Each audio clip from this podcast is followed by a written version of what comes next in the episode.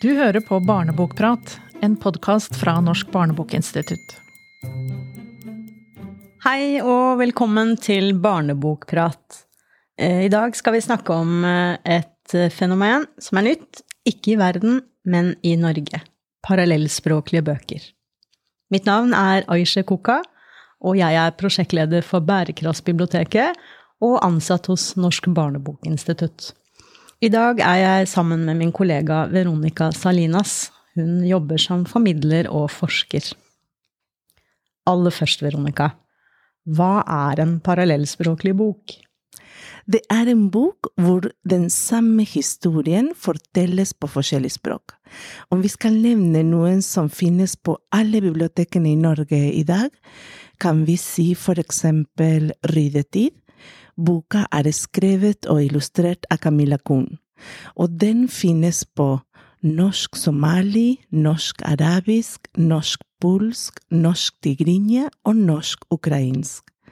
Og det er noen fantastiske diktsamlinger også. I Stormens øye av Kjerkobeka, boka finnes på kurdisk og norsk.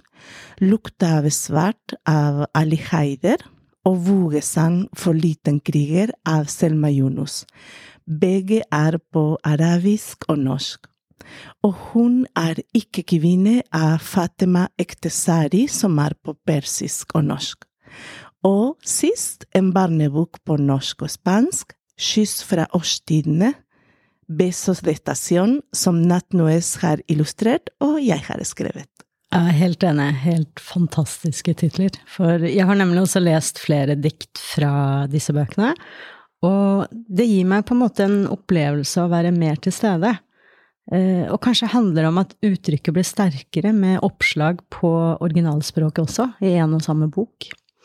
Men eh, hva er tanken bak parallellspråklige bøker? Hva skal vi egentlig med disse bøkene, Veronica? Godt spørsmål, Leisje. Som formidler erfarer jeg at eh, det er mange fordeler med parallelle språklige bøker. For eksempel gir disse bøkene muligheter for at barn og unge blir gode i flere språk. Ikke minst viser vi dem at alle språk er viktig, og hvis vi tenker på dette språklige aspektet, i mange år har vi trodd at å snakke flere språk til barna kunne gjøre dem forvirret eller dårlige på et eller annet språk. Mens forskning i både verden og nå i Norge viser at lesing og samtaler over parallellspråklige bøker gjør tospråklige barn sterkere i begge språk. Studiene viser at voksenbarnsamtaler over parallellspråklige bøker har et stort potensial for språkutvikling. I tillegg støtter forskerne seg på forskning som viser at det å stimulere barns første språk, i dette tilfellet språket som familiene snakker hjemme, kan være av positiv betydning for utvikling av andre språk, i dette tilfellet eh, norsk. Ja, for språk er jo ikke smittsomt, akkurat. Eh, selv om man kanskje skulle tro det. Eh, at hvis man er sammen med andre som snakker andre språk enn en selv, så vil man også fange opp de. For vi må jo jobbe med dette hele tiden, også morsmålet. Og sånn sett tenker jeg at parallellspråklige bøker kan være en gavepakke til foreldre som ønsker å lese med barna sine på de aktuelle språkene. Og selvfølgelig på norsk. Ja, absolutt. Og parallellspråkbøker gir også en bedring i sosiale ferdigheter. Evne til det å kunne sette seg inn i hvordan andre tenker og har det. Det kan gi oss perspektiver, mulighet til å kunne se omgivelsene med andres øyne og kunne sette seg inn i andres tanker, følelser og ønsker. Jeg syns at språk kan gi innganger til å dele alle typer kulturelle erfaringer og perspektiver fra ulike miljøer. Og på en måte vi ufarliggjør disse forskjeller. Vi kan dyrke nysgjerrighet for alt vi ikke vet. Eh, det kan skape en åpenhet, og, og jeg må si alle dette vi har nevnt, er verdier som vi trenger for å utvikle oss som mennesker. Ja, for språk handler jo ikke bare om å uh, forstå andre, men det handler jo om å forstå seg selv også, og få mulighet til å uttrykke det du sitter inne med selv. Eh, og, men apropos det å kunne mange språk, og hva det gjør med barn. Eh, nå skal vi få høre en liten snutt fra en samtale som du har hatt med Julian om diktboka 'Kyss fra årstidene'. Hva heter du? Julian, Og hvor gammel er du? seks og et halvt år. Og hvilke språk snakker du? Kan du fortelle meg? Engelsk, s- Norway. Wow, norsk også? Engelsk, spansk og norsk, så flott! Men kan du lese for eksempel på spansk? Ja. Wow! Kan du lese hva først? Hva heter denne boka her på norsk? Kyss fra årstidene. Wow! Og på spansk? Besos de estación. Wow! Du er så god. Kanskje du har lyst til å lese dette diktet som heter Pinnsvinet? Vil du lese den på spansk først, eller på norsk? Først på norsk. Ja.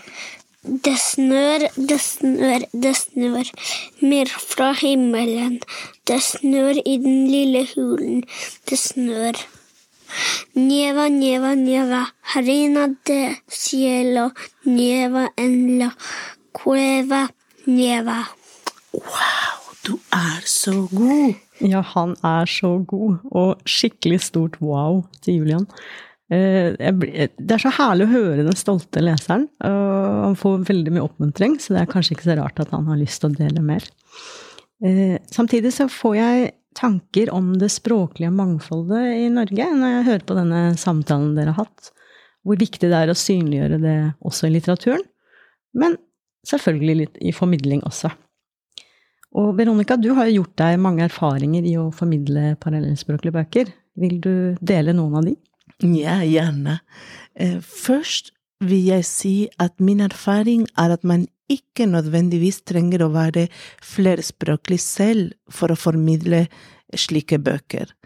Og at det som er spennende med parallellspråklige bøker, er at vi som formidlere blir nødt til å være i dialog med barna. Jeg må jobbe med nysgjerrighet, eh, aktiv lytte til barna, fange opp og følge opp deres leseopplevelser og preferanser. La oss si at jeg går inn i et rom hvor det finnes en ungdom som snakker arabisk, og jeg har lyst til å formidle diktboka Lukta av svart av Ali Haider, som er på både norsk og arabisk. Da kan jeg spørre dem, er det noen som kan arabisk? Er det noen som kan lese på arabisk? Og det jeg har opplevd når jeg stiller disse spørsmål, er at de blir så stolte, og flere vil lese høyt. De fleste vil lese og vise at de kan andre og flere språk. Og ved å gi plass til dette språket, gir vi også plass til disse ungdommene. En hel verden får plass i dette rommet. Vi utvider rommet med disse erfaringene. Og dette gir meg også en mulighet som formidler til å se barnet eller ungdommen ved hele seg i sin helhet. Den gir oss en unik mulighet til å berike oss. Og for dem som ikke forstår arabisk, eller de andre språkene vi leser, så tenker jeg at de får en estetisk opplevelse. Ja, nettopp. Og sånn sett så får jo ungdommene medvirket til hvordan de også får være med og lese boka. Og jeg tenker jo at de da også får vist at de kan dele flere sider fra seg selv, i tillegg til det norske. Og, og nå tenker jeg over på barn. Dette var jo ungdommer. Eh, Er det noe vi bør tenke på når vi skal formidle disse bøkene til barn? Har du noen tips? Ja, la oss si at du sitter foran barna med boka. Dere kan utforske den fysiske boka sammen. Før dere begynner å lese boka, kanskje man kan snakke om språk. Hvilke språk kan barna? Kan du flere språk? Og deretter kan man lese tittelen i boka på norsk, be barna gjenta ordet på norsk, tittelen på norsk, men også spørre er det noen som kan si tittelen på en annen språk. Det er gøy for barna å si eh, noe på flere språk, ekstra gøy å vise at de kan flere språk. Og for de som ikke kan det språket, kan være gøy å lære et nytt ord. Etter det kan man gå rett på temaet i boka, for eksempel om årstidene når vi skal lese skyss fra årstidene, eller, eller, om å rydde hjemme, om familieliv, om å dra i svømmehallen når vi leser ridetid. Du kan for eksempel spørre barna hvilken årstider liker de best, om de liker å bade, eh, rett og slett trekke og veke deres kunnskap og interesse rundt eh, temaet i boka. Og dere kan for eksempel se boka sammen. Eh, hvilke bilder er på forside? Ønsker du å hjelpe barna å lese dette bildet, kan du spørre Oi, hva slags dyr er dette? Er det en blomst? Hvilken farge har blomst, blomsten? Eh, hvordan sier man blomst på arabisk? Bildene i en bildebok er viktige, og det, jeg tror det er veldig viktig å gi barna tid til å se på bildene og snakke om bildene. Man kan løfte boka opp slik at alle kan se bildene eh, de leser, og stille åpne spørsmål slik at du ikke legger svarene i munnen på barna. For eksempel, hva ser du ved døra? Eh, hva tror det skjer nå? Og alle de små ordene barna svarer med på norsk, kan du alltid spørre hva heter det på den andre språket. Og det kan ta lang tid. Jeg har opplevd for eksempel en bok som man vanligvis eh, uten å stoppe lese på syv-åtte minutter, kan man bruke en halvtime, 40 minutter eh, på å lese. Eh, og jeg har også opplevd at barna elsker å vise at de kan forskjellige språk, og mange også elsker å lære nye språk, nye ord. Eh, jeg tenker også, jeg bruker masse eh, en trikk som er sånn å telle på andre språk. I alle bøkene er det alltid noe du kan telle. Telle steiner, eh, telle garderober, skap. Vil du høre en liten gutt telle noen trær? Mm -hmm. Kan du telle disse trærne på norsk? En, to, tre, fire, fem, seks, sju, åtte, ni, ti, elleve, tolv, 13, 14, 15, 16. Wow! Og på spansk? Uno, dos, tres, cuatro, cinco, seis, siete, ocho, nueve, diez, once, doce, trece, catorce, quince, dieciséis. Og på engelsk? One, two, three, four, five, six, seven, eight, nine, ten, eleven, twelve, thirteen, fourteen, fifteen, sixteen. Neimen, du er så god, Julian. Tusen takk. Vær så god. Herlig. Eh, Julian byr virkelig på seg selv og alle språkene han kan telle på. Det er jo helt fantastisk å høre hvordan du også oppmuntrer han. Takk, Aisha. Noen ganger jeg hører at jeg nesten overdriver og roser for mye, men jeg tror det er viktig nesten å rose for mye enn for lite. Eh, og jeg bruker nå med Julian hørte du masse sånn wow, wow, wow, men jeg også bruker uh, setningen som så gode, så god du er eh, til å lese, så gode dere var til å lese sammen med meg. Eh, det er der vi kan skape lesegleden, og, og lesegleden starter tidlig og kan bety mye for barna resten av livet. Og, og til slutt vil jeg si at vi må ikke glemme, i tillegg til å rose dem, vi må ikke glemme å la, å la de holde boka etter høytlesingen. Eh, få lov til å ta på boka, bla i boka eh, selv. Eh, de som kan lese, kan lese sammen med vennene sine, men de eh, små som ikke kan lese ennå, kan huske og gjenta det, de, det som ble sagt når de så på bildene, huske historien. Eh, så ja, mm. å holde boka er viktig.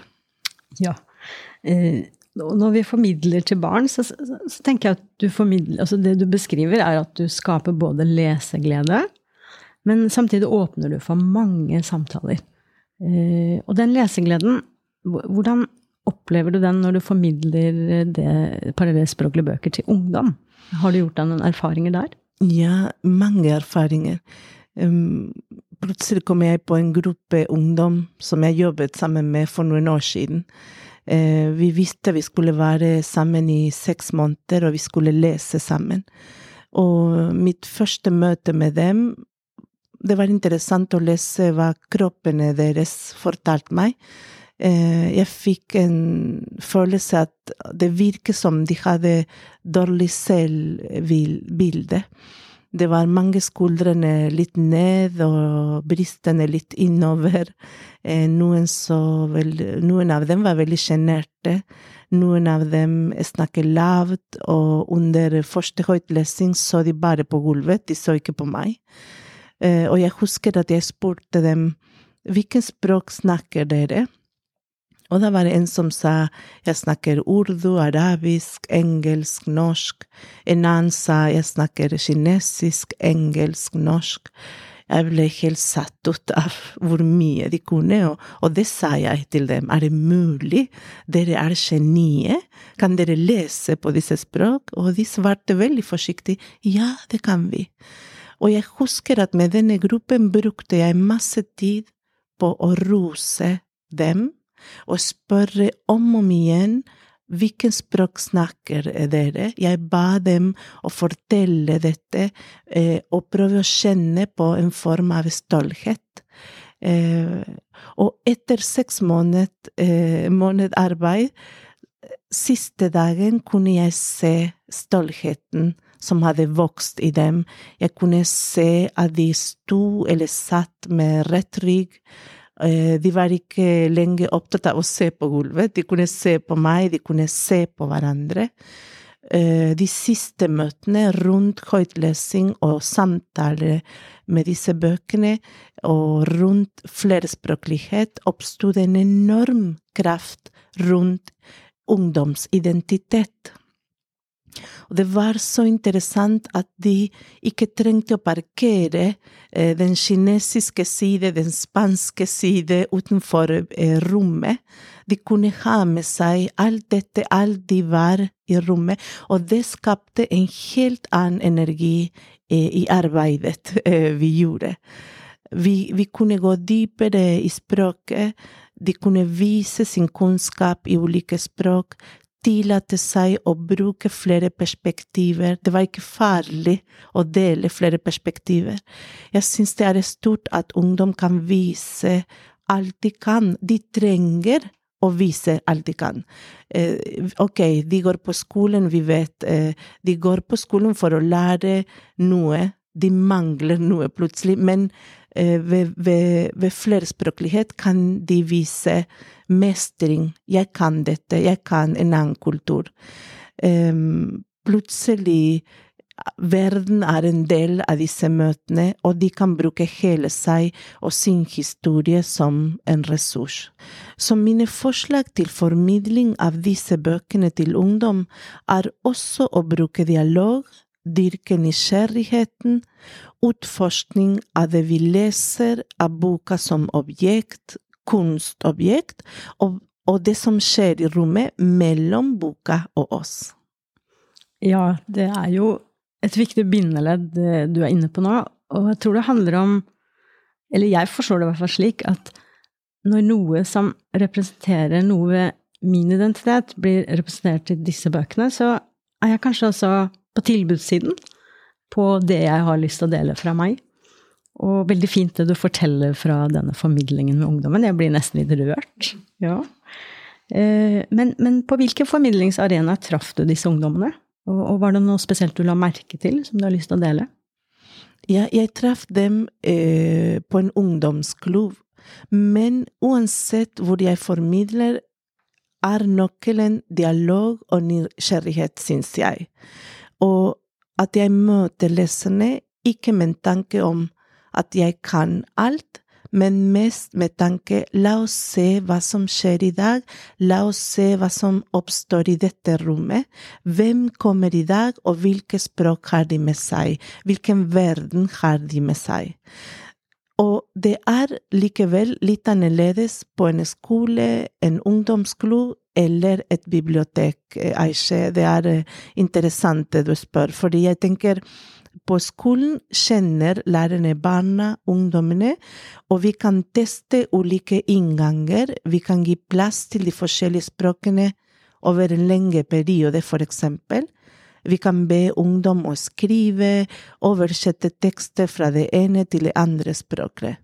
Men eh, er du formidler i et bibliotek, og barna eller ungdom kommer på besøk, det er ikke sikkert at du, vet, at du vet hvem som kommer, det er ikke sikkert at du vet hvilket språk snakker de, så da er du nødt til å på en måte kartlegge med en gang du treffer dem, ha disse gode spørsmål til å fiske ok, hvilken språk finnes i dette rommet. Men noe veldig fint som kan skje på biblioteket også, er at plutselig kan foreldrene være der også, eh, foreldrene i publikum. Jeg har vært til stede på noen mor- og barn-språkkafé, som har vært også veldig sterke og rørende møter mellom boka, eh, flerspråklighet, barn og mammaene. Så alle formidlingsarenaer gir ulike innganger. Eh, så det er bare å prøve seg. Ja. Jeg begynte å tenke på, på foreldre som også møter opp på biblioteket. og da for, en fin mulighet å vise de at de kan bruke disse bøkene mm. til å lese for og med barna sine. For vi ser jo en tendens til det generelt i samfunnet. At det å bli lest for er kanskje ikke er noe vi må jobbe mer med. Mm. Det var kanskje noe vi gjorde mer av, for å bruke et uttrykk gamle dager. um, det er jo utrolig flott å høre hvordan disse bøkene treffer og engasjerer. Uh, både barn og voksne og unge. Uh, nå har vi jo nevnt noen diktsamlinger allerede, Veronica. Vil du lese et dikt som du har lest for og med ungdom? Gjerne. Jeg vil lese Kjerkobekas I stormens øye og diktet heter Kvinne og frihet. I Midtøsten prøvde jeg igjen og igjen å sette ordene frihet og kvinne ved siden av hverandre. Kvinne og frihet på hver sin stol, foran et speil. Det gikk ikke. Bortkastet tid. Istedenfor kvinnen kom ordet samfunn med stort skjegg og båndeteppe og satte seg på kvinnens plass. Tusen takk. Jeg får jo mange opplevelser her og nå. Eh, men hvordan opplever ungdommene dette diktet? Det har vært så, så spennende å diskutere dette diktet med ungdom. Eh, vi har hatt sterke samtaler om kvinner, om frihet, om krig, om kjærlighet. Og det har vært en god øvelse til å prøve å sette ord på det vi sitter med av erfaringen, og også lytte til erfaringer fra andre i gruppen. Ehm, jeg har mange utrolig fine opplevelser med høyt lesing av parallellspråklige bøker og ungdom, og, og hva skjer med disse møter og hvordan de erfaringer ungdom sitter med, blir synlige, og vi beriker hverandre og dette kollektivet som eh, vi er. Mange dikt kan vise oss temaer det kan være vanskelig å snakke om. Og ved å lese dikt sammen og snakke om det vi leser, gir oss et språk og en kontekst. Og, og, vi snakker om et dikt, ikke om oss direkte, og det liker jeg, fordi det beskytter oss lite grann. Plutselig kan vi dele sterke livserfaringer uten at vi blir for personlige med hverandre. Vi kan bruke diktet som en trampolin, eh, et springebrett som vi kan alltid vende tilbake Eh, dersom samtale kommer for tett på oss, eller blir det for vanskelig. Noe jeg liker også å øve meg på som formidler når jeg eh, jobber med dikt og barn og ungdom, er at det ikke finnes riktig eller gal svar. To helt ulike tolkninger kan gi diktet større mening gjøre diktet større, og tolkedikt sammen kan vise oss at alle de ulike perspektiver som finnes i rommet, trenger ikke å konkurrere med hverandre. Det er plass til alle de tolkningene. Sammen lærer vi hverandre noe om livet, om oss. Gjennom dikt kan vi få innblikk i hendelser i verden som er langt fra oss selv, se likheter og forskjeller, og skjønne at vi alle er mennesker på denne jorda, og at vi er forskjellige, men vi er også like. Eh, det var veldig godt, eh, godt sagt. Eh, og det her handler jo om at dette kan vi få til rett og slett ved å lese sammen og snakke sammen. Mm. Veronica, takk for at du deler så mange gode øyeblikk fra ungdommen. Jeg blir oppriktig glad nå. Og takk til deg. Takk for så fine spørsmål. Du nevnte jo at alle kan formidle disse bøkene, og kanskje oppleve den samme lesegleden og delegleden som du har vært så heldig å få oppleve uavhengig av om man kan parallellspråkene eller ikke. Og da må vi jo eh, også informere om hvor vi finner disse bøkene. Ja, eh, bøkene finnes på alle biblioteker. Skyss fra årstidene finner du på det flerspråklige biblioteket. Og jeg må si også, Aisha, jeg var så heldig å jobbe med produksjon av parallellspråklige bøker da jeg var formidler i Lesersøkerbok.